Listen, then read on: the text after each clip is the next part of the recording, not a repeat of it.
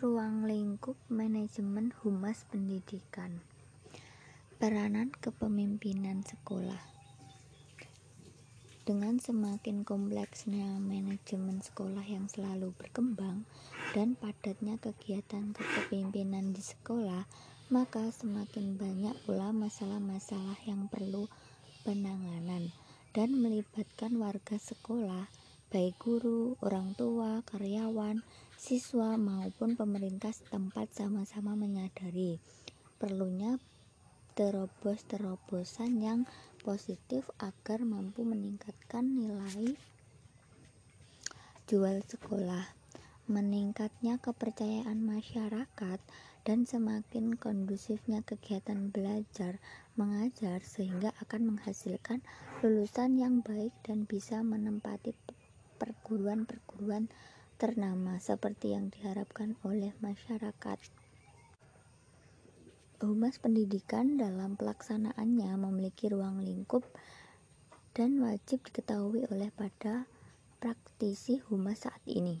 Ruang lingkup humas diperlukan agar dalam menjalankan kewajiban-kewajibannya sebagai humas, seorang humas menyadari kedudukannya serta apa saja nan menjadi wewenangnya karena tak semua hal menjadi wewenang humas, tapi ada pihak lain juga yang terlibat. Jangan sampai ada pihak yang merasa terlangkahi oleh langkah seorang humas dalam menjalani ruang lingkup humas. Manajemen humas dalam pendidikan merupakan mediator yang berada di antara pimpinan sekolah dengan publiknya. Selanjutnya, ia mengatakan bahwa aktivitas tugas humas adalah mengelola komunikasi antara organisasi dengan publiknya.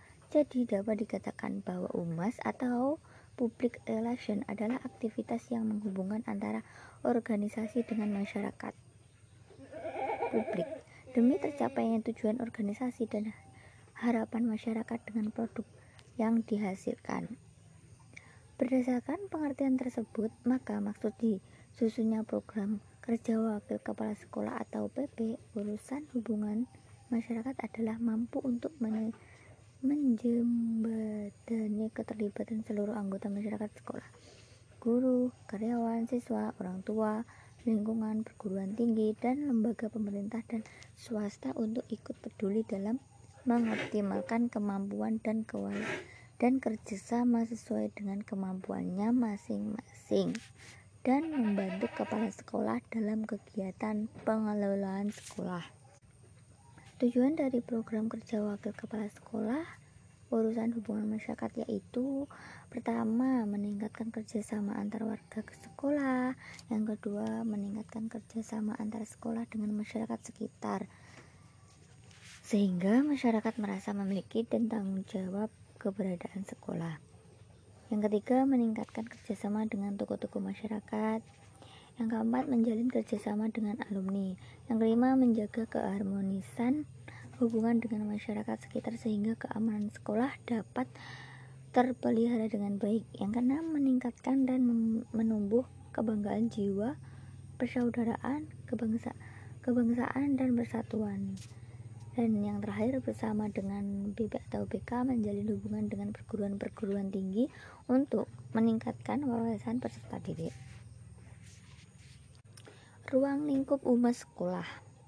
Adapun adapun ruang lingkup tugas humas dalam sebuah organisasi atau lembaga antara lain meliputi yang pertama pembina humas keluarga atau publik eksternal eksternal publik eksternal yaitu publik untuk umum masyarakat.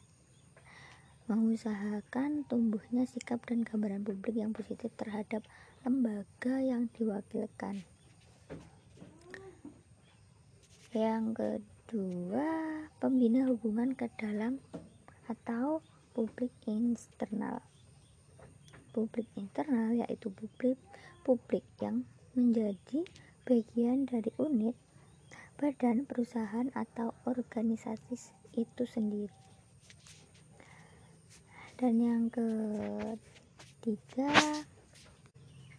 cukup sekian presentasi dari saya. Wassalamualaikum warahmatullahi wabarakatuh